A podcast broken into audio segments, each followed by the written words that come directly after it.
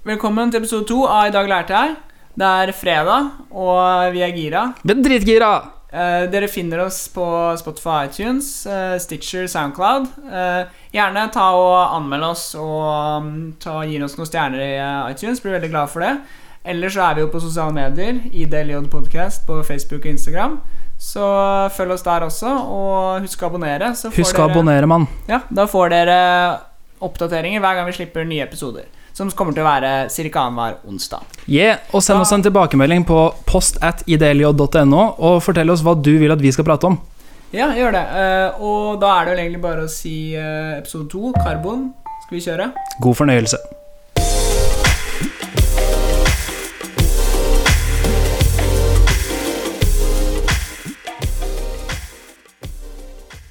I et brev til Utenriksdepartementet i februar 1958 skrev Norges geologiske undersøkelse, og jeg siterer Man kan se bort fra mulighetene for at det skulle finnes kull, olje eller svovel på kontinentalsokkelen langs den norske kyst. Sitat slutt. Jeg og Lykke veit i 2019 at eh, vi fant definitivt eh, olje langs den norske kyst, og det er eh, en av hovedgrunnene til at vi i dag kaller oss et rikt land. Em, og Norges geologiske undersøkelse anno 1958 måtte nok spise både en og annen hatt etter dette utsagnet. Så Lykke, er du blitt rik på olje, du? Ja, men jeg blir rik på olje. Vi er alle rike på olje og kjærlighet her i Norge, er vi ikke det? Men godt eh, det er ikke olje vi skal snakke om uh, utelukkende i dag. Vi skal ikke snakke så veldig mye om olje, i hvert fall. Vi skal ikke snakke så mye om olje. Denne episoden av I dag lærte jeg handler om karbon, og uh, hvorfor karbon er så rart, og spesielt. Og hva har karbon med olje å gjøre? Olje er utelukkende eh, hydrokarboner. Så det er først og fremst karbon og hydrogen i olje. Eh, og det er pga. karbons eh, mange egenskaper at olje eh, eksisterer slik vi kjenner det. Ok, eh, før vi liksom går veldig inn i eh, hva karbon brukes til og hvor det kommer fra og sånne ting, så tenkte jeg at vi har jo en kjemiker her, en organisk kjemiker. Det vil Hei. si at du jobber Hei, Sindre. Det vil si at eh, du jobber jo med karbon eh, til daglig. Så jeg tenkte, kan ikke du snakke litt om eh, hva som gjør eh, karbon så spesielt, eh, sånn rent kjemisk sett? Hva er det som er så kult med karbon, egentlig? Ja, jeg, heter altså Sindre, og jeg har master i organisk kjemi. Jeg, jeg ble ferdigutdanna forrige tirsdag, så jeg, akkurat nå føler jeg meg som ekspert på feltet. Eh, karbon er et av eh, de viktigste naturlige grunnstoffene vi har. Det er et atom, det er et grunnstoff, eh, og karbon er veldig spesielt fordi det har fire elektroner i ytterste skall. Em, Maksimalt antall elektroner i ytterste skall er åtte. Fire, halvparten. Halvparten er ledig, halvparten kan eh, byttes med andre grunnstoffer for å danne en drøss med naturlige eh, ja, Forbindelser. forbindelser, mineraler eh, Jeg er ikke så veldig nøye på hvilken, hvilket ord vi bruker om hva slags kjemisk binding det er snakk om i dag, mm. men det viktigste å vite om hvorfor karbon er så viktig, er at det kan binde eh, eh, enkelt til et naboatom. Det kan binde dobbelt til et naboatom, og Men- trippelt til Men et kanskje, naboatom. siden vi er ganske tidlig i vår podkast-karriere, kanskje vi skulle faktisk nevnt kjapt, kjapt, kjapt Hva er et atom? Hva er et grunn, eh, grunnstoff? Bare sånn du skulle oppsummere det på 20 sekunder. Jeg ville prøvd å oppsummere det med å si at et eh, grunnstoff består i, av tre hovedelementer. Det består av eh, protoner og nøytroner i kjernen, og så består det av elektroner ytterst. Og hele fagfeltet som heter kjemi, baseres på elektroninteraksjoner. Så eh, for dere som kjenner, eh, kjenner dette litt bedre, så er det, har vi innordnet alle våre naturlige 118 grunnstoffer i det periodiske system. Eh, periodesystemet har jeg faktisk hengende på veggen bak i studioet vårt, så det passer veldig bra. Eh, hvor vi går hele veien fra eh, hydrogen nummer én eh, til helium nummer to, som dere kanskje alle kjenner. Eh, så går vi litt videre, og nummer seks er karbon. Karbon er eh, igjen spesielt fordi det har to elektroner i sitt innerste skall og fire i det ytterste. Eh, og de fire elektronene i det ytterste skallet de kan enten lånes bort, eller, ta, og, eller så kan de tomme fire rommene ta imot elektroner fra andre grunnstoff for å danne lange kjeder, eh, korte kjeder, store forbindelser, små forbindelser. Eh, og vi kjenner karbon i mange former eh, i dag. Eh, og de fleste karbonene vi snakker om, kalles eh, Eller de fleste karbonforbindelsene vi snakker om, og mitt felt i kjemi, organisk kjemi, heter nettopp det fordi det er såkalte eh, organiske karbonkjemi det handler om. Det er først og fremst karbon og hydrogen som er involvert i bindingene. Ja, for Vi snakker jo om liksom at det er organisk mat og sånn, men det har ikke noe med organisk kjemi å gjøre, egentlig. Nei, her er det litt viktig at vi ikke eh, blander eh, felt Begreper. og uttrykk og begreper. Eh, organisk kjemi handler om karbonkjemi. Eh, organisk mat, det må jeg lese meg opp på før jeg går inn i hva det egentlig handler om.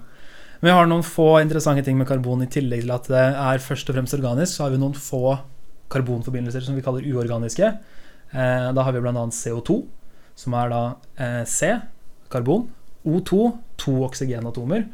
Eh, og da er det karbon Hvis dere ser for dere tre klinkekuler på rekke og rad, hvor det første er oksygen, den i midten er karbon, og den tredje er oksygen, så er det eh, dobbeltbindinger fra karbon i midten ut til begge de to oksygenatomene. Eh, og det karbondioksid, CO2, er jo en eh, gass i vinden eh, om dagen. Bokstavelig talt. Bokstavelig talt. Det er ikke så fryktelig mye karbondioksid i atmosfæren vår, men det er mer enn nok til at det har en stor påvirkning på inngående og utgående energi, eh, og er da opphav til økt drivhuseffekt. Altså, jeg er jo um, mer bio, biologirettet, eh, og vi jo Vi er veldig glad i um, CO2 der, for CO2 er jo det som gir Der plantene driver fotosyntese, som derimot uh, har en veldig positiv effekt ved at vi på en måte får biomasse. Så all mat, alle planter, egentlig alt kommer jo fra fra det, da. Altså sånn at plantene driver fotosyntese er det som ikke bare har lagd oksygenet vårt, det er også det som gjør at vi kan spise planter og dyr som har spist planter. Det er jo du som biolog, vet du det. Helt i bunnen så har vi produsenter, planter. Eh, De gjør om eh, karbondioksid og litt annet knesk, bl.a. sollys, til lager, eh, energi vi kan lagre. Det er jo, som du sier, opphavet til hele næringskjeden. Kommer mer om det seinere, tipper jeg. Kommer mer om det seinere, så bare følg med på I dag lærte jeg. Eh, vi kan snakke om mye annen spennende karbonkjemi, men eh, jeg føler at vi har vært inne på det aller viktigste. Karbon er eh, spesielt fordi det har fire elektroner i ytterste skall. Det er også eh, alle andre atomer i den samme eh, kjemiske gruppa. Eh, altså kolonna i periodesystemet har de samme, samme egenskapene. Så rett under karbon så har vi silisium, og under der så har vi germanium. Og eh, silisium er jo ganske kjent. Silisium eh, solcellepanel f.eks. Mm. eksisterer jo fordi silisium binder veldig godt til nabosilisium og kan binde i fire retninger. Det kan karbon også gjøre, men eh, når karbon gjør det, så får vi ikke solcellepanel, vi får kull. Eh, og hvis den eh, bindingen har akkurat rett struktur, så får vi diamant. Men det skal vi snakke litt om seinere. Men jeg, eh, jeg kan jo mye om selve kjemien. Men du liker å lese deg litt opp på eh, organisk kjemi som fagfelt og karbons historie. Kan ikke du snakke litt om det? Ja. Uh, ja, karbons historie starter for ca. 13,7 milliarder år siden. Da smalt det noe jævlig. Eh, da var det the big bang. Eh, mye, da ble det dannet litt eh, protoner og elektroner og sånn etter ca. 380 000 år, når det roa seg ned litt. Da fikk vi hydrogen og helium. Det skjedde ved at noen elektroner ble fanget i en bane rundt protoner. Og da fikk vi de første atomene, da. Litt senere så får vi atomer som litium, beryllium og boron. Um, og enda noen millioner år seinere så har vi dannet de første stjernene, da. De første stjernene, spesielt de store, tunge og supernovaer og sånn, um, tar da og danner um, tyngre elementer, da, inkludert eh, karbon, ved å Bare, jeg må skyte inn Elementer er eh, et veldig eh, vanlig ord å bruke. Elementer og grunnstoffer og atomer. Alt dette er samme Kjært barn, mange navn. mm, Vær så god, bare fortsett. Så de første tyngre elementene, eller grunnstoffene, inkludert karbon, dannes da av disse stjernene. Eh, så går det ganske mye tid, det skjer litt ymse ting som vi ikke skal gå for mye inn på i dag. Eh, vi kan sikkert ha, snakke veldig mye om verdensrommet og the big bang og sånn seinere, men eh, det er noen stjerner som eksploderer og sånn, og lager planeter da, av de tyngre elementene. For ca. 4,5-4 milliarder år siden så skapes planeten Jorden. Eller jorda, om du vil.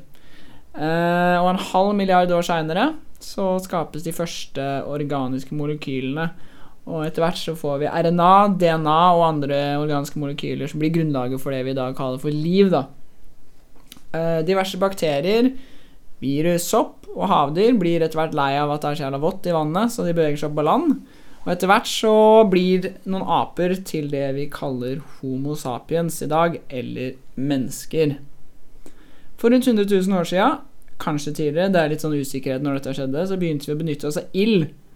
Og her benytter vi oss av en kombinasjon av karbon, varme og oksygen til å danne mer varme eh, og kull. Dette gir oss også muligheten til å varme opp vann, og vi kan da koke og steike mat, da, spesielt kjøtt, som lar oss på en måte utnytte Utnytte mye mer av um, Av um, Hva er det heter den?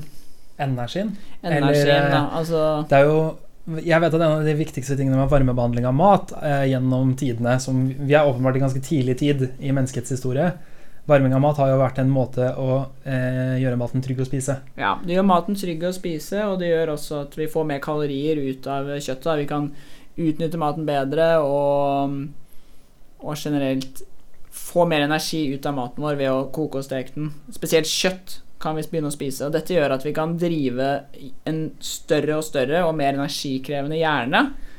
Og denne hjernen lar oss seinere forstå verden rundt oss. da. Man tipper at kull ble brukt til å lage blant de første hulemaleriene, eller den første um, kunsten, og dette er jo da ren karbon, som lar oss uttrykke oss um, kulturelt da, på første, første, for første gang. Uh, og vi så jo når det brant i brannting, lå det noen svarte greier, det vi da kjenner som kull. Uh, men spørsmålet var jo hvor resten blei av. Det vet vi i dag at uh, noe av dette ender jo opp i atmosfæren som CO2, da. Uh, først ble det oppdaget på 1600-tallet av en belgier som het Jan Baptiste van Helmont. Ah, han heter ikke Jan Baptiste CO2? Det gjorde han ikke. Okay, greit, jeg det, da. Mm, han, fant, han, fant, han drev og gjorde eksperimenter på planter hvor han fant ut at det var noe i lufta som gjorde at plantene vokste. de visste ikke helt hva det var. Men han begynte å ense at det var noe der. Han var også den som fant opp begrepet gass da, for første gang. og Eh, mange andre forskere eh, oppdaget også CO2 litt sånn på forskjellige måter. Mange, eh, så det var på en måte Det er litt usikkert hvem som oppdaget CO2 egentlig, for det var mange som gjorde det parallelt med hverandre og samarbeidet litt sånn offisielt og uoffisielt. Men uh, allerede på 1770-tallet så begynte man å lære hvordan man begynte å bruke CO2 til ting. Man begynte å putte det inn i vann. Og da kunne man lage kullsyreholdig drikke. da Hei! Hei, Det liker vi. Det liker jeg. Uh, den første som lagde industri Altså sånn, Man har jo laget fermenteringsprodukter før. Det er viktig å merke seg at øl og sånn kan jo få naturlig ved gjæring. Men dette var første gang man kunne tilsette CO2 inn i ellers um, rent vann. da Og lage på en måte kullsyreholdig drikke. Man hadde jo det fra før av. For eksempel, eh, Den første som lagde industri av dette, var en som het Jacob Schweppes. Som dere kanskje har hørt om. Schweppes, det har jeg hørt om. Ja, Han eh, starta Schweppes i 1783 i, eh, i Sveits, og de holder fortsatt mange vorspiel i gang. Gjennom, 1783? Det var mye tidligere enn jeg venta. Ja, jeg også. Det er fortsatt De, de holder fortsatt masse vorspiel i gang med GTS og det som er her.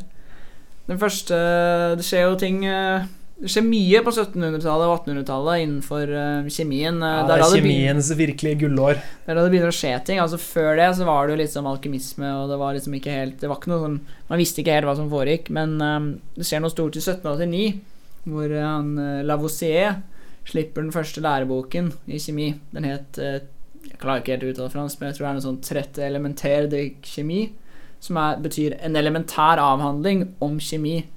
Her lister han opp eh, 33 elementer. Ja, altså, så mye respekt for at det er et slags ordspill i tittelen der. Jeg digger det. En elementær avhandling om kjemi. Ja, jeg, det tror jeg Love it. Ja, du starter med et ordspill, så det er en, en tørr bransje. Starter ja, og tørrere. siden har vi vært helt like. ja, ikke noe bedre i dag.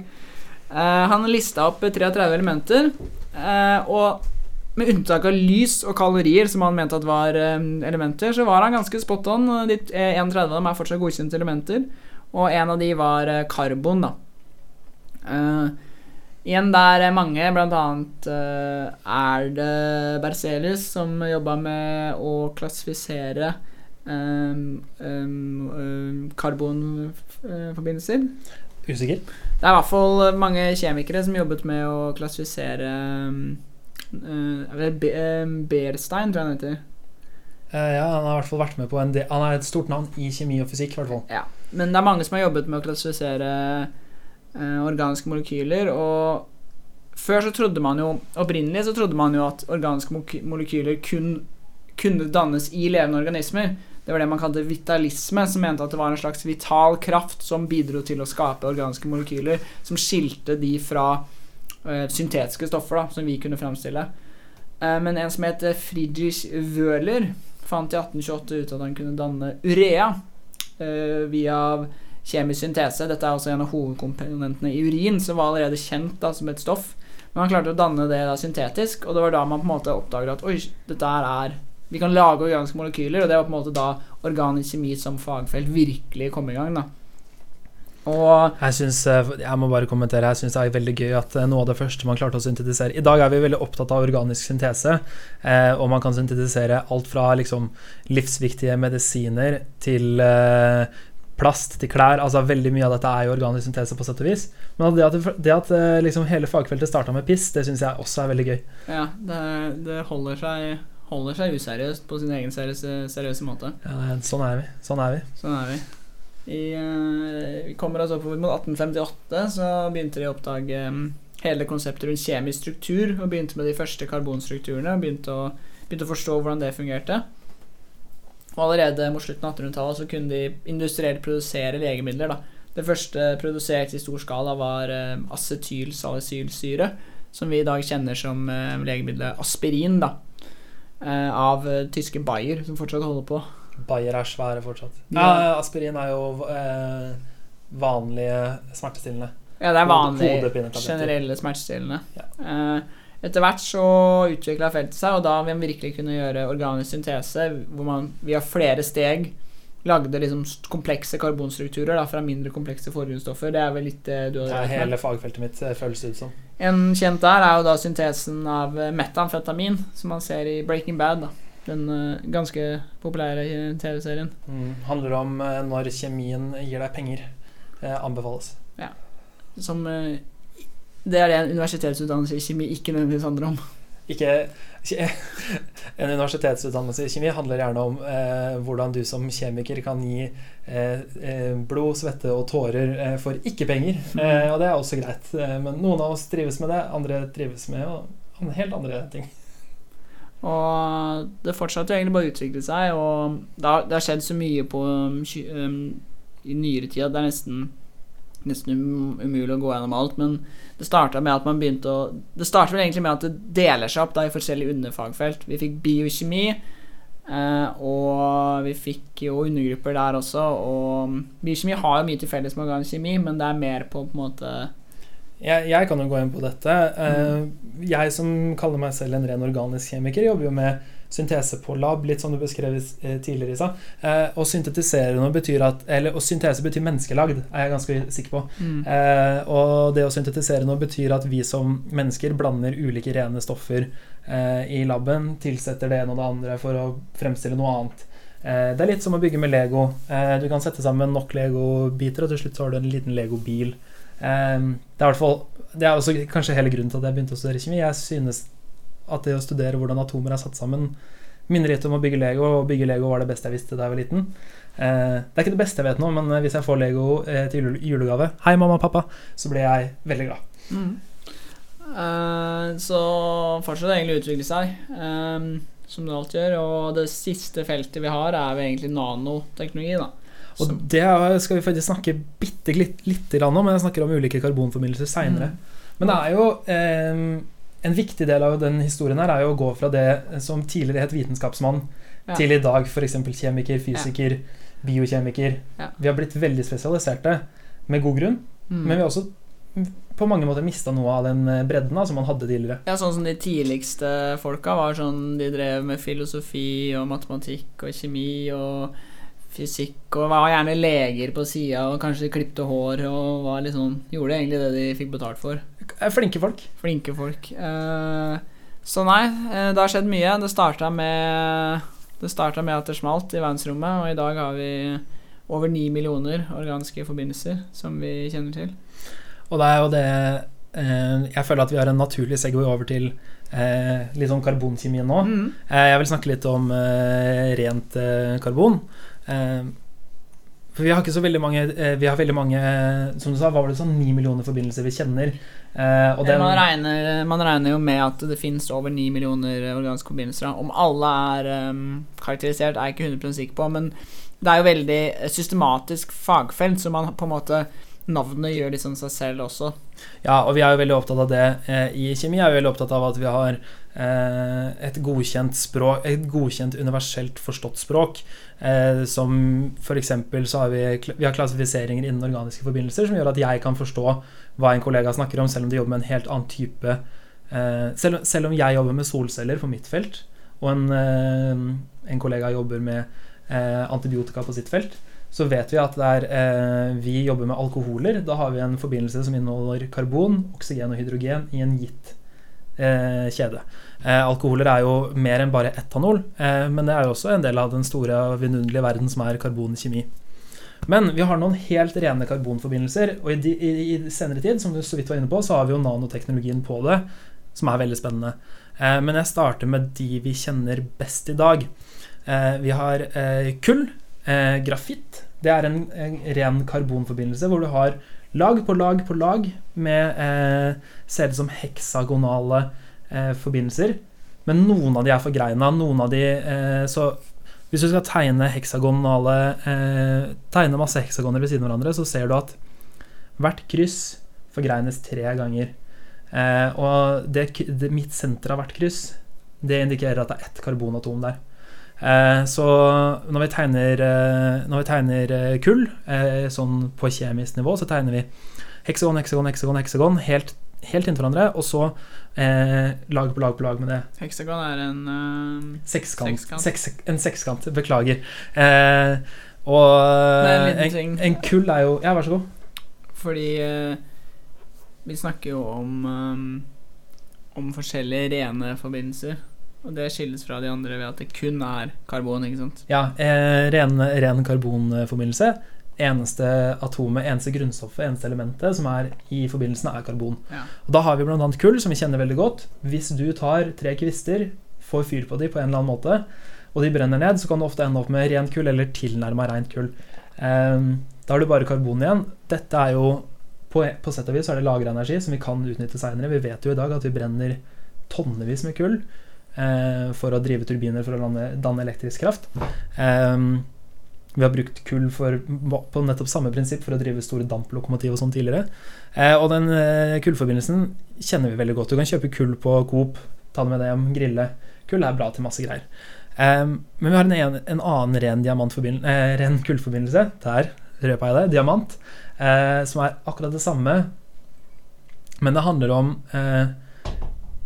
det handler om på en måte strukturen. For den har masse heksagon eh, lag på lag på lag.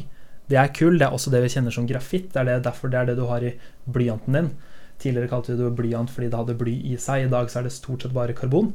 Eh, eh, grafitt det er også bare kull. Men diamant er det samme. Det er bare karbon i en diamant. Men det er mye dyrere å gå og kjøpe en sekk med diamanter enn å kjøpe en sekk med kull på butikken. Det er fordi det er vanskelig å fremstille diamanter eh, fra naturens side. Derfor har vi veldig lite av det.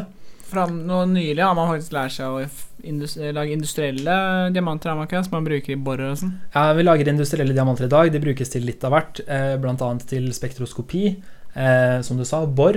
Diamant er et utrolig, utrolig hardt materiale, så det er veldig velegna når du skal komme deg gjennom andre harde materialer, som f.eks. stein. Skal du lage en tunnel i Norge, så borer du gjennom noen av verdens aller hardeste bergarter. Da har du diamanttupper på alle borene, sånn at du kommer deg gjennom forbindelsen mm. OK. Diamant er, dannes naturlig ved veldig høyt trykk, veldig høy temperatur og ganske lang tid inni jordens kjerne. Eh, men du kan også danne det som du sier da, syntetisk. Vi har lært oss å lage apparater som kan danne høyt nok trykk og høy nok temperatur mm. eh, i, i, på en måte kontrollerte tilstander, sånn at vi på laben kan lage falske diamanter. Noen av disse har utrolig høy kvalitet, men de færreste av disse har den, eh, den effekten man ser etter i en diamant. Og eh, diamanter har vært mye fordi de er én sjeldne, to veldig pene å se på. Så eh, rike folk har brukt diamanter både for status eh, eh, både for status og at det er fint, mm. eh, i mange, mange, mange år. Og verdien av diamanter har jo tatt helt av. så naturlige diamanter er sjeldne, veldig fine og består kun av karbon. Så det er ikke så stor forskjell på kull og diamant, men måten eh, strukturen er bygd opp på Diamantstrukturen er forresten mye mer komplisert. Den er ikke så lett å beskrive som heksagon oppå hverandre.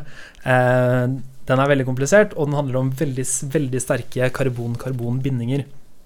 Hvis dere er uh, interessert i det, så er det jo bare å um, søke opp på internett uh, diamantstruktur, da, så kommer det opp et bilde av, av den. Ja, og det er masse fine bilder som sammenligner diamant og kullstruktur rett ved siden av hverandre. Så kan dere se forskjellene som, som, jeg prøver å beskrive. Vi kan vel egentlig legge ut noe av det, tror jeg, på Vi legger det vel ut på noen nettside eller noe Facebook eller noe sånt. Vi skal klare å, pro, klare å produsere noe lignende. Eh, så har vi også en struktur som vi kjenner ikke så godt, men vi vet veldig godt hvordan den ser ut i teorien. Og da jeg snakka om disse lagene med heksagon, se for deg kun ett lag. Ett atom tykt da har du et materiale som vi i dag kjenner som grafen. Og for bare ja, Da jeg begynte å studere kjemi, så var det splitter nytt. Så det er fem-seks år siden. Eh, og da var det eh, noen som oppdaget grafen på en veldig finurlig måte. De tok eh, blyanten sin, som bare har karbon i seg, i utgangspunktet, og så hadde de et klebrig lag, altså teip.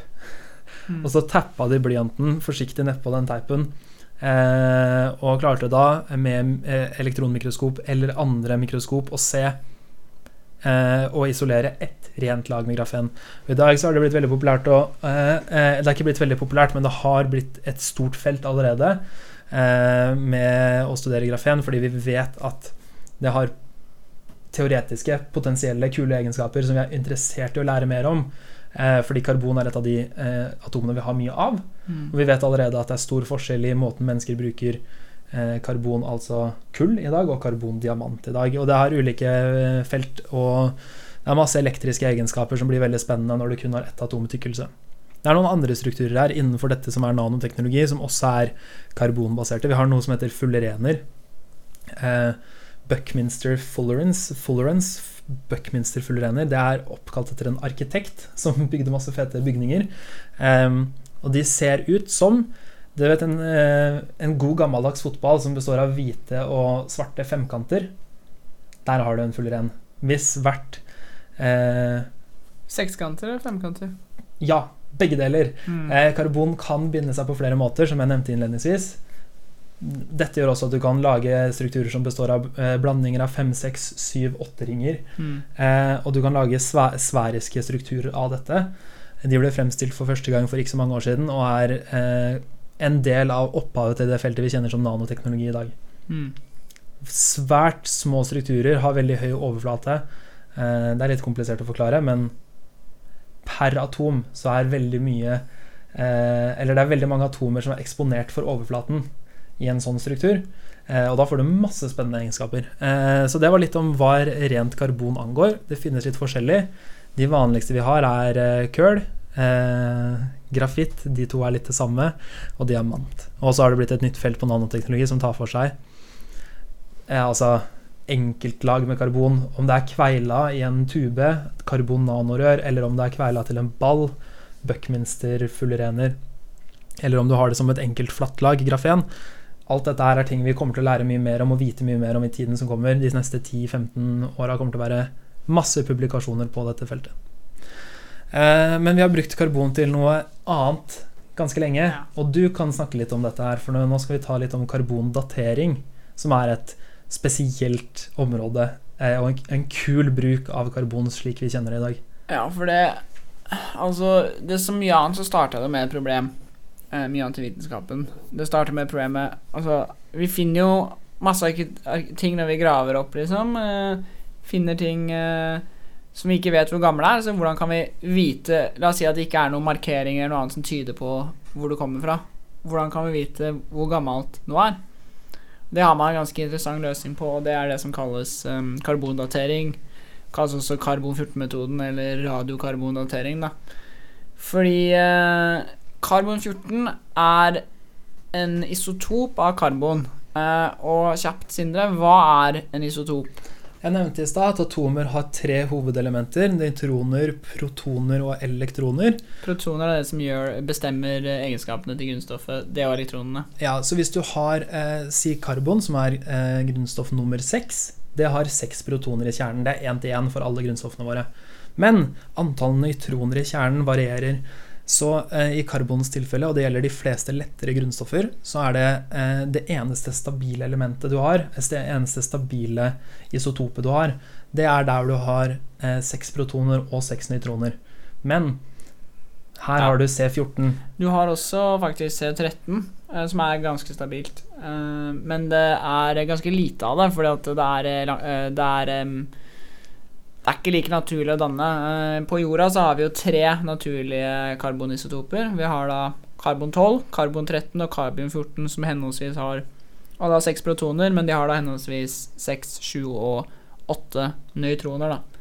Um, det er 99% av all karbon på jorda er i formen karbon 12. Uh, 1% cirka er i karbon 13, og det som er igjen, er karbon 14. Ganske lite karbon 14, men det er eh, konstant i atmosfæren. Det dannes eh, når eh, et nitrogenatom treffes av et nøytron som på en måte feller ut et proton og skaper da C14. Det vil da si at nitrogen har sju protoner og sju nøytroner, men det kan i atmosfæren miste et proton, og da danner, dannes da karbon 14. da. Det høres ut som det er at det mister et eh, proton til fordel for et nøytron da, hvis det blir bombardert med en, et, nøytr et fritt nøytron, for det finnes også. Ja. Uh, og da danner du C14. Ja, og C14 er jo da um, såkalt radioaktivt. Um, så og det vil egentlig bare si at i motsetning til stabile grunnstoffer, um, så reduseres det. Det vil si at det blir mindre av det. Altså det, det, det forsvinner etter hvert. Og karbon 14 har en halveringstid på 5730 år. eh, Det tok du helt på gefühlen, ser jeg. Pluss minus 40 år. Eh, så det vil si at vi vet at hvis vi har en viss mengde av karbon 14, så vet vi at 5730 år seinere så er det halvparten av det. 5730 år etter det er det da 25% av den opprinnelige mengden. Og så Og så sånn videre, og så videre. inntil 50 000 år har gått. Og da kan Da har vi ofte mistet så mye at det kan være vanskelig å, å, å, å finne noe av det. Så, Nå skal, jeg, nå skal jeg forklare hvorfor dette har noe å si, da. men jeg vil bare, du sa Ja. 50 000 år. Betyr det at eh, karbondateringsmetoden bruker vi kun på ting som er yngre enn 50 000 år gammelt i utgangspunktet? Den er, den er mest, definitivt eh, mest egnet da, ja. Ok, ja. Eh, det, er det, det er liksom sånn, en sånn en, eh, rough cut-off. Det fins metoder for å gjøre det med eldre ting òg, men vi gjør det typisk med ting som er uh, ca. så gammelt. da um, Og det er jo sagt ganske presist, pluss minus 40 år. Så kan, det er ganske bra hvis man ikke vet, eh, vet hvor noe kommer fra. Um, så det som er greia, da, er at i, i um, atmosfæren som sagt, har vi karbon 14. Um, det, uh, karbon eh, binder seg jo til oksygen, som vi sa, og danner CO2. Så det blir da en del CO2-atomer har da karbon 14 istedenfor karbon 12 i seg. Dette tas da opp av planter når de driver med fotosyntese, og blir da omgjort til f.eks. sukker og annet organisk materiale i planten. da. Og når det da er bundet opp i planten, og planten dør, så forblir da dette bundet i planten. Da har du en viss mengde, C- viss mengde karbon 14, karbon 12 og karbon 13. Eh, og siden det da, hvis det bindes opp i plantematerialet, så får det ikke så mye kontakt med, med omverdenen. Det blir på en måte skjerma fra omverdenen. Altså det, det, det blir ikke liksom eh, det, blir, det forblir ganske stabilt, eh, og kun forsvinner med da denne kjente halveringstiden på 5730 år.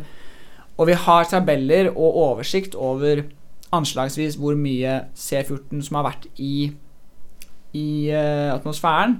Eh, så man kan da på en måte, ved å se hvor mye karbon 14 som er igjen i en prøve, eh, si noe om cirka hvor ofte den kommer, hvor gammelt det er. da. Altså Man kan se hvor mange ganger karbon 14 har halvert seg, hvor mye som er igjen av den opprinnelige forventede mengden, og rett og slett bare si sånn Ok, det er så mye igjen. Da er, det, da er denne prøven så gammel, da. Primært så bruker man dette på plantemateriale, som sagt. Uh, treverk, for eksempel, kan være bra. Um, man kan også bruke det på bein, skjell og jordprøver, da, men det er litt mer, litt mer arbeid. Litt mer hassle. treverk er lett å gjøre, for det kan man redusere til cellulose. Man kan også bruke kullprøver. Da, så det er typisk sånn Hvis man finner en gammelt um, et utgravingssted, så er det ikke alltid åpenbart når disse menneskene var der. For de har ikke nødvendigvis at de har en tydelig kultur, eller noe sånt, men man kan bruke da ting som de brukte til å lage bål, f.eks., kan man analysere, og så kan man se sånn hvor mye karbon 14 som er der. Og det Denne sier noe om har så mye CO2. ja, Og den ble brent i det året, da. Ja, og da vet man at de som brant det, må ha vært mennesker, fordi at uh, man ser at det er lagd et slags bål. da Det er, være, det, er, det er typisk eh, måte å bruke det på. Ja, for det jeg tenkte nå var 50 000 år. Det er jo nesten ingenting. Eh, fordi vi begynte jo hele episoden med for 13,7 milliarder år siden. Men eh, 50 000 år er jo eh, langt over hele menneskenes historie, slik jeg ser det som interessant. Altså i hvert Hvertfall- fall den eh, nedskrevne historien vår. Jeg er jo veldig Jeg er jo absolutt aller mest nysgjerrig på eh, menneskets historie typ eh, fra jeg ble født i 93 til i år. Så, men så vet jeg jo at eh, eh, ja, tidligere tidligere Jeg holdt på å si generasjoner, men jeg mener jo eh, sivilisasjoner. Mm. Det er jo dokumentert historisk tilbake til eh, en del år tilbake. Men det er jo bare 10 000 år siden omtrent forrige istid. Ja. Eh, og det er jo spennende da at vi har en eh, metode for å finne ut omtrent Ja, ja. Jeg er, I dag så er jeg eh, arkeolog. Jeg graver opp en, eh, et fossil eh, og, siden, eh, og blir spent på området. Graver opp hele området, finner ut at her har det faktisk vært en landsby. eh, Og finner en fin kvist som jeg tror noen brukte til å brenne bål. Da kan jeg bruke karbon-14-datering for å finne ut omtrent når denne landsbyen røftlig pluss-minus 40 år. Det er, ganske, det er ganske nøyaktig på en 50 000-årskala. Mm. Ikke at kalibreringen stemmer, da, men du kan være ganske Den, den er overraskende spesifikk, og det fins nok smalere metoder, så utvikles jo den også, så det er ganske, det er ganske presist eh, innenfor denne korte perioden. da Altså 50 000 år er jo kort i verdenshistorie, men i menneskets historie så er det ganske lenge. Ja, det var utrolig bra om eh, karbonnotering. Har du noe mer å tilføye, eller? Nei, altså ikke egentlig. Det er eh, Altså, vi bruker jo halveringstiden eh, til atomer til mye, mye rart. Blant annet vi lager jo atomklokker og sånn, men vi kan snakke mer om, mer om det seinere. Ja. Radioaktivitet og halvering er jo litt spennende. Jeg Kan vil, bli bare, en egen episode, jeg vil bare ta veldig kort om akkurat hva halvering i karbons tilfelle er. Mm. Fordi eh, vi har jo C14. Eh, der har du et ustabilt karbonatom som har for mange nøytroner i sin kjerne. Um, og over tid, eh, ved eh, at tilfeldighetene rår, så vil to nøytroner rives løs fra kjernen eh, som stråling. Det er derfor dere kjenner de begrepene sammen, stråling og radioaktivitet. Eh, så stråling blant, kommer i flere klasser, men det er bl.a. frie nøytroner som flyr rundt i lufta. Det er stråling. Eh, så over tid, som du nevnte, så vil C14, karbon 14, eh, eh, forfalle Ja. eh, ved å eh, radioaktivt stråle ut nøytroner fra sin kjerne tilbake til grunntilstanden stabilt karbon 12. Ja. ja, veldig, veldig bra. Neste tema jeg har lyst til å ta litt om, siden det er mitt felt, er jo hydrokarboner. Hydrokarboner er et eh, stort felt innen eh, karbonkjemi. eh, eller det er karbonkjemi, vil mange si. eh, og det handler om eh, karbon og hydrogen i eh, skjønn harmoni. Hydrokarboner er eh, eh, Jeg må bare lese litt fra Store norske leksikon, sånn at jeg tar med noen av de viktigste tingene. Eh, men hydrokarboner er eh, stoffer som inneholder primært karbon og hydrogen. Noen vil nok være litt strenge her og si at for å være et hydrokarbon, så er det kun karbon og hydrogen. Men vi, i karbonkjemi så jobber vi først og fremst med forbindelser som består av lange eller korte kjeder av karbon og hydrogen, men som også inneholder masse andre atomer. Jeg nevnte i stad alkoholer eh, består av eh, eh, karbonkjeder med en, med en oksygen og et hydrogen bundet til seg på en, en finurlig måte. Men ja, vi snakker om kjemiske forbindelser, og den enkleste kjemiske forbindelsen heter metan. Det er ett karbonatom, hvor hvert av de fire elektronene er bundet til et elektron i hydrogen. Så det er, et, det er CH4, ett karbonatom, fire hydrogenatomer. Ser ut som en liten pyramide, hvis du kunne sett på den isolert sett. Eh, og eh, metan er jo Vi kjenner det som kupromp, eh, men eh, det er også en veldig viktig naturgass som man finner vanligvis Um, så finner man også altså man finner olje på sokkelen, også norsk sokkel. Norsk sokkel. Eh, og så finner vi eh, store gassreservater også, og det kan bl.a. være metan og etan, hvor forskjellen på metan og etan kun er antall, eh, antall karbon i lengden. Så metan 1, etan 2, propan 3 osv. osv. Og for noen av dere så høres dette utrolig dølt ut, for noen av oss kjemikere så er dette pensum.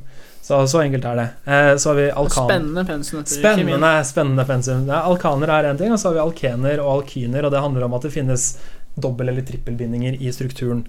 Eh, så har vi sykloalkaner. Eh, karbon kan jo binde seg i ringer, eh, som er eh, viktig. Eh, det er bl.a. opphavet til et veldig viktig hydrokarbon som heter benzen. C6H6. Så har du da et heksagon, en sekskant bestående av karbonatomer, og hver av de karbonatomene er bundet til ett enkelt hydrogenatom. Er benzen det samme som bensin? Bensin og benzen er ikke det samme. Eh, benzen eh, har jeg nettopp beskrevet. Bensin det er en blanding av hydrokarboner, og bensin er, som eh, mange av dere kjenner, det vi putter på bilen for å komme oss fremover. Eh, men det er jo Hydrokarboner er veldig mange ting, men det de definitivt er, er fulle av energi. Eh, du nevnte det tidligere i stad, at eh, CO, CO2 eh, gjøres om i fotosyntesen til f.eks. sukker. Sukker er også et type hydrokarbon.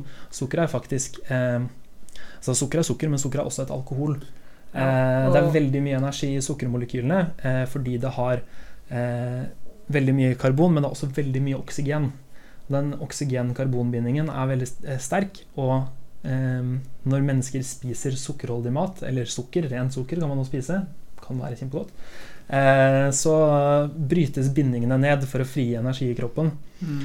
Og det er, eh, er Veldig mye bare- mat bindes ned Eller sånn Altså Mye av maten vi spiser, brytes jo ned til sukker for å brukes av cellene våre til å danne energi. da Det er, ja, og det er jo bare Hydrokarboner er jo all mat vi kjenner i dag. Eh, mat kommer i Stort sett da, så klassifiserer vi næring i, i tre hovedfaktorer. Det, er- det, er, eh, det er jo ikke hydrokarboner, men det er karbohydrater, Mm. som er sukkermolekyler og dets like.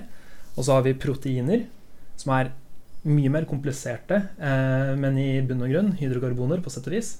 Og så har vi fett. Eh, og fett og proteiner og, og karbohydrater er em, handler veldig mye om hvordan de kjemiske strukturene er satt opp med karbon som skjelett. Proteiner er jo aminosyrekjeder, da, så det er mye, også en del nitrogen i tillegg til at det er karbon. Ja, og det er det som gjør det Altså, protein har vi jo noe som heter I proteiner har vi noe som heter en peptidbinding, som handler om eh, Det er en kjemisk binding mellom karbon og nitrogen, eh, med noen forutsetninger for hva karbonet er bundet til, og hva nitrogen er bundet til. Eh, men der har vi også Altså, Nitrogen kunne selvfølgelig vært en egen episode her, og det skal vi ikke snakke så mye om, men hydrokarboner er eh, en ekstrem råvare for oss mennesker. Eh, eh, og veldig mye av eh, det vi finner av liksom, naturlig forekomst, er i dag eh, olje og gass, eh, som vi pumper opp av jorda. til fordel for mennesker i dag, til ulempe for mennesker i morgen. Mm. Vi finner store mengder kull eh, ulike steder, men så hogger vi også ned planter og trær eh, som er bygd opp av eh, hydrokarboner. Eh, og vi finner, eh, vi finner måter å eh, bryte ned stoffer fra naturen til stoffer vi som kjemikere kan sette sammen igjen til å bli det vi selv ønsker. For vi snakker jo Jeg tenker at Nå er det naturlig å kanskje nevne litt om sånn klima og sånn, for vi snakker mye om klimagasser, eh, og spesielt da CO2, da. Og CO2 er jo, dannes jo ved at man brenner hydrokarboner. Det er jo Er det ved såkalt uh, komplett forbrenning, eller hva det heter? Eh, ja, hvis du eh, har en, eh, en Hvis du har en fullstendig forbrenning av Fullstendig, ja. eh, Hvis du har en fullstendig forbrenning av kull, så frigjør du eh, all CO2 eh, All karbonet som er bundet på én måte i kull, bare karbon-karbon. Så brenner du det i nærheten av oksygen, og så, du, så dannes det nye bindinger her. Frigis masse energi i selve brenningen. Og du danner eh, karbon-oksygenbindinger, CO. Og det to av de, så har du CO2. Um, For i USA så snakker vi mye om sånn carbon tax og sånn. Og da mener de jo da eh, em, skattelegge CO2-utslipp. Altså I USA så bruker man jo nesten ordet karbon og CO2 om hverandre. Masse, og det, det gjøres jo eh, altså I det engelske språk som vi bruker eh, Alle bruker det veldig mye også i Norge. Eh, så snakker vi om eh, altså, karbonavgift og Ja. eh, altså, Karbonfotavtrykk. altså har vi liksom karbonfotavtrykk, CO2-ekvivalenter, og karbon i seg sjøl er jo ikke skummelt. Det er bare eh, Overhatt. Ja, og så har vi eh, Sånn som veldig mange av de andre tingene vi forsker på og studerer, så har vi jo karbon et naturlig kretsløp. Eh, skogbranner eksisterte lenge før menneskene eksisterte. Eh, vi har na naturlige lynnedslag som eh, setter i gang en, en stor brann. Det fries lokalt da, masse CO2 til atmosfæren fordi det brennes. Opp i atmosfæren, ned i vannet, opp i plantene. Litt, litt herfra, litt derfra. Så har vi et naturlig kretsløp. Og det vi er bekymra for med um, CO2 i atmosfæren, er jo at vi har en ekstrem forskyvning fra CO2 bundet i vann og bundet i biomasse, over til fritt CO2 i atmosfæren. For det er vel snakk om at disse Altså det er jo, Dette er jo snakk om likevekter mye. Så det er jo snakk om at hvis man pusher likevekten for langt i retning CO2 i atmosfæren, så er man redde for at det kommer til å forstyrre naturlig kretsløp. da. Ja, og det er jo det, Vi er redde for det, og vi ser på en måte allerede tidlig effekten av det. Ekstremvær er en av de. Um, ja, Ekstremvær er en av de, og- vi måler jo global eh, temperatur, og vi vet at vi prøver å nå felles da eh, halvannengradersmålet, togradersmålet, Ja. eh, hvor vi vet med sikkerhet at eh, eh, CO2-utslipp og andre naturlige utslipp, NOx er jo altså nitrogenoksider eh, Begge disse to er eh, ting som kommer fra f.eks. brennende bensin og diesel, Ja. som består av Ja, hydrokarboner vi snakker jo mye om såkalt sånn nullutslipp, da. Og der snakker det om nullutslipp av karbondioksid, av Ja, NOx-gasser og kanskje NOx. også metan. Ja, kanskje også metan. Og så har vi jo eh, nullutslipp handler jo også om, som du nevnte i stad, en likevekt. Ja. En del nullutslippshus Det er ikke sånn at vi ikke kommer til å slippe ut noe. Det er jo det at vi kommer til å slippe ut like mye som vi på en måte bruker. Altså like mye inn som ut i et system. Da er naturen vanligvis fornøyd.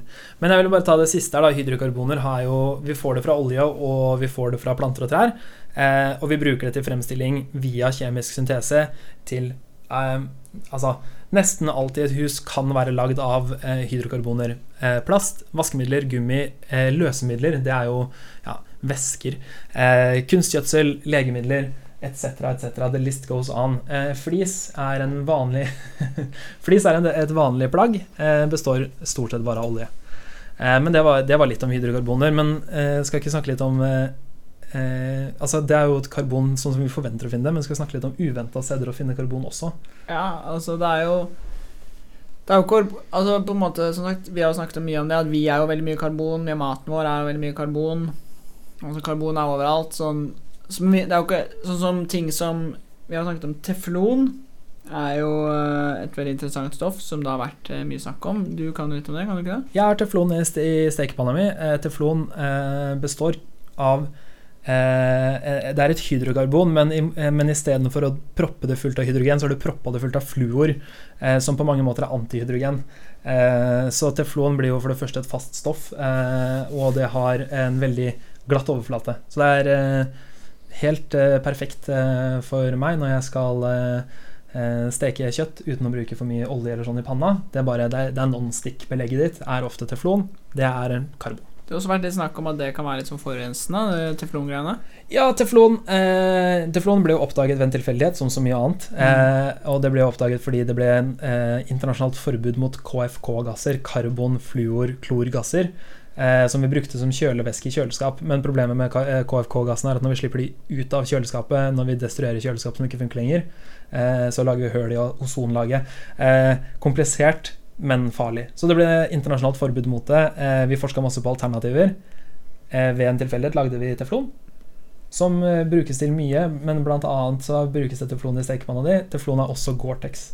Mm. Gore-Tex-materialet ditt er eh, basert på teflon. Det er mye kan brukes til å gi klær en del interessante egenskaper. Du, man snakker jo om ja, Et jeg er fascinerende, er jo kevlar. Altså som sagt, Karbon er jo det man bruker i flis, men man bruker det også i kevlar, som er det er essensielt sett bare masse karbonringer med noen karbonylgrupper, som er noen oksygenatomer kobla til eh, karbon, og noen eh, nitrogenforbindelser.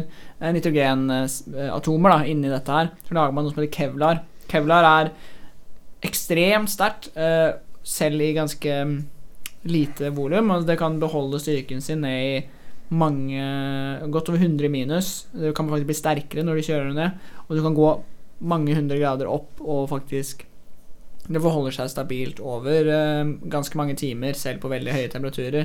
Og det er jo mest kjent um, fordi at uh, hvis du lager en vest av kevlar, så er den skuddsikker. Så det er, eh, det er et veldig, veldig fascinerende stoff som egentlig essensielt sett er veldig lite annet enn bare masse karbon som er vevd sammen. Mm. Og det, eh, du finner jo karbon på mange andre merkelige steder også, men eh, det er trygt å anta at det er mer karbon der ute enn du er klar over. For å snakke om eh, karbonfiber, lag, bruker man jo til å lage både lette biler og romfart. Romfarts, altså romskip og sånn lages jo ofte av karbonfiber, for det er veldig slitsterkt, og det er em, varmeresistent, og det veier jo veldig lite i forhold til eh, hva du får ut av det. da Ja, og så er det jo Vi bruker proteser. Eh, Mm. Karbonfiberproteser er veldig, som du sa, lette, Mm. sterke. Eh, de er, de er, eh, karbonfiber er jo det er høy risiko for brudd, så ved på en Ja. måte eh, hvis, du, um, hvis du styrter eh, romskipet ditt, som er, som er Ja. primært lagd av karbonfiber, så vil det ikke bøyes sammen sånn som stål ville gjort. Stål, hvis du ser biler krasje, så er det veldig mye stål som kveiles sammen og bøyes, og eh, mye av tryggheten i en bil i dag er fordi du har en stålramme rundt deg. Mens karbonfiber, eh, det kan du ha mellom alt stålet. Men hvis du skulle være så uheldig å tråkke på karbonfiber, så vil det sprekke. Litt som glass, faktisk. Eh, så det er, det er veldig bra på, på styrke i én retning, og så er det veldig dårlig på styrke i en annen retning. Ja, tennisdekker av karbonfiber. Jeg husker jo gammel huske overgangen fra trerekkert eller sånn, til noen tre år noen plass og sånn, til karbonfiber. Ja, Bare for referanse, da, så er Andreas Lykke, da vi snakka om 3,7 milliarder år siden, da ble de første atomene lagd, men også faktisk Lykke. Ja, Eh, så han har vært der en stund. Jeg har vært en stund. Jeg husker eh, det, og da husker jeg jeg fikk en karbonfiber tennisstikker, og jeg tror den veide kanskje halvparten av den forrige. Mm. Men ja, de kan knekke litt hvis man blir sint. De kan knekke litt, og da har vi jo alternativer. Titan. Det Titan er eh, utrolig gøy, eh, men veldig sjeldent. Karbon har vi masse av. Så det er ikke så dyrt. Eh, nei, men Vi har snakka litt om gøye ting. Jeg må også bare ta én ting. da, For jeg ser bak meg så har jeg en hel hylle av alle lærebøkene jeg har måttet lese de siste åra. Eh, og eh, papir er jo også karbonkjemi. Ja. Eh, vi har jo brutt ned trær, eh, lagd papir. Papir eh, trykker vi på med blekk. Blekk er ja, Blekk er, er ikke karbonkjemi, men blekk er også karbon. Ja. Eh, it's everywhere, guys. Nei. Hva sier du? Er det på tide å runde av denne episoden her med å snakke litt om hva vi har lært i dag, eller? ja. Jeg tror det er på tide at vi oppsummerer episoden og snakker litt om hva vi har lært i dag. Eh, og Andreas, kan ikke du si, eh, si noe du har lært i dag? ja jeg har lært at eh, Norges geologiske undersøkelse ikke vet noen ting om økonomi. Eh, de vet i hvert fall ikke hvor man finner olje på rett sted til rett tid. Eh, det lærte vi heldigvis litt seinere. Det var for øvrig Philips eh, på oppdrag av Norge som fant olje. Jeg vet, jeg lærte at karbon er mer eller mindre overalt. Det kan tåle veldig mye hvis det er i riktig struktur. Og man kan Hadde det ikke vært for karbon, så hadde nok ikke hjernen vår vært så stor som den er. For vi hadde ikke klart å spise så mye kjøtt som vi gjorde, og vi hadde ikke klart å vi hadde, vi hadde måttet brukt mye mer av tiden vår på, um, på å sanke. Vi kunne ikke liksom um, Vi kunne ikke få i oss uh, godt, nytt, ferskt grilla kjøtt, som vi alle er så glad i, bortsett fra veganerne, som eh, ikke er glad i det. Men hjernen din kommer også fra kjøttspising, mest trolig. Dessverre. Mest trolig. Eh, jeg skal ikke snakke noe om hjernekapasiteten til veganere. Det, det tar vi i en annen episode. Eh, jeg har lært masse i dag. Eh, jeg lærte veldig mye av eh, Du hadde jo en hel rekke med fun facts, eh, bl.a. om hvem som starta med å klassifisere kjemi, og når ble det på en måte et eget felt og alt dette her. Jeg syns det var veldig gøy at den første læreboka om kjemi var hva var det du kalte det? En elementær avhandling om kjemi. Ja. Eh, vi starta med ordspill, og vi er der fortsatt i dag. Det syns jeg er fryktelig gøy, faktisk. Um, jeg har også lært eh, mye om eh, karbondatering og hvordan vi utnytter kjent Altså, dette er jo et sted midt mellom fysikk og kjemi. Vi, vi kjenner hvorfor eh, kjemien eh, Hvorfor karbon er stabilt som C12, og hvorfor det er ustabilt som C14. Og så vet vi på en måte forholdet mellom de to, og kan derfor bestemme hvor gammelt ting vi finner her. Og det syns jeg er dritkult. En morsom eh, Bare sånn for å eh, En morsom personlig connection her er at eh, han Antoine Lavoisier, som skrev en elementær avhandling om kjemi, er min eh, veileder beste, beste, beste, beste, bestefar. Det er en uavbrutt rekke med veiledere eh, innen, eh, innen da vitenskapens eh, og det og mastergrader og sånn. En uavbrutt rekke med veileder fra Lavoisier til meg. Det, det var faktisk veldig gøy. Eh, Jeg har en annen ting, og det er jo av grupperommene på NTNU heter jo Lavoisier. Ja. Det er jo kjemikernes eget grupperom. Så det er, det er mye kos her. Um, jeg har lært eh, litt om at man finner karbon på veldig uventa steder, og at vi bruker eh, olja til mer enn å brenne den i en eh, Brenne den som bensin eller diesel. Eh, eller rå olje. Vi bruker jo veldig mye olje for å lage ting som er livsviktig. Eh, altså da typisk legemidler, klær, eh, plast. Altså, nå er jo plast utrolig upopulært, men det er fortsatt utrolig viktig. Jeg tror vi det lukter plastepisode etter hvert. Det det. Det lukter plastepisode etter hvert, faktisk. Det blir veldig spennende. det, gjør det. Eh, og så vil jeg eh, Har du lyst til å føye til noe mer du har lært i dag? Nei, jeg, eh, jeg er godt fornøyd. Jeg syns alltid, alltid er glad i karbonkjemi. Selv lenge før jeg ble interessert i egentlig vitenskap for øvrig, så syns jeg alltid karbonkjemi var veldig spennende. Eh, Jeg liker, eh, jeg liker strukturen. Jeg liker at det er oversiktlig. Jeg liker også det. Det er, det er, det er litt som å lese et eh, eh, det er litt som å lære seg å lese kart. Etter hvert Mm. så forstår du veldig godt eh, forskjellen på nord, sør, øst og vest. Sånn er det litt med å begynne å lære om kjemi og karbon også. En del ting er veldig kjent. Um, nå skal ikke jeg gå inn på unntak til reglene, fordi det er jo et helt felt. Vi kaller det organisk kjemi, eh, og det er veldig spennende. Men eh, jeg tror egentlig jeg har eh, Jeg er veldig fornøyd med innholdet av episoden. Jeg, som, som master of science i organisk kjemi, så, så vil jeg sette et kvalitetsstempel helt på slutten av denne episoden. Ja. Som master of science i bioteknologi vil jeg gjøre det samme. Da eh, gjenstår det bare å si tusen takk for oss. Eh, vi snakkes eh, senere. Ja.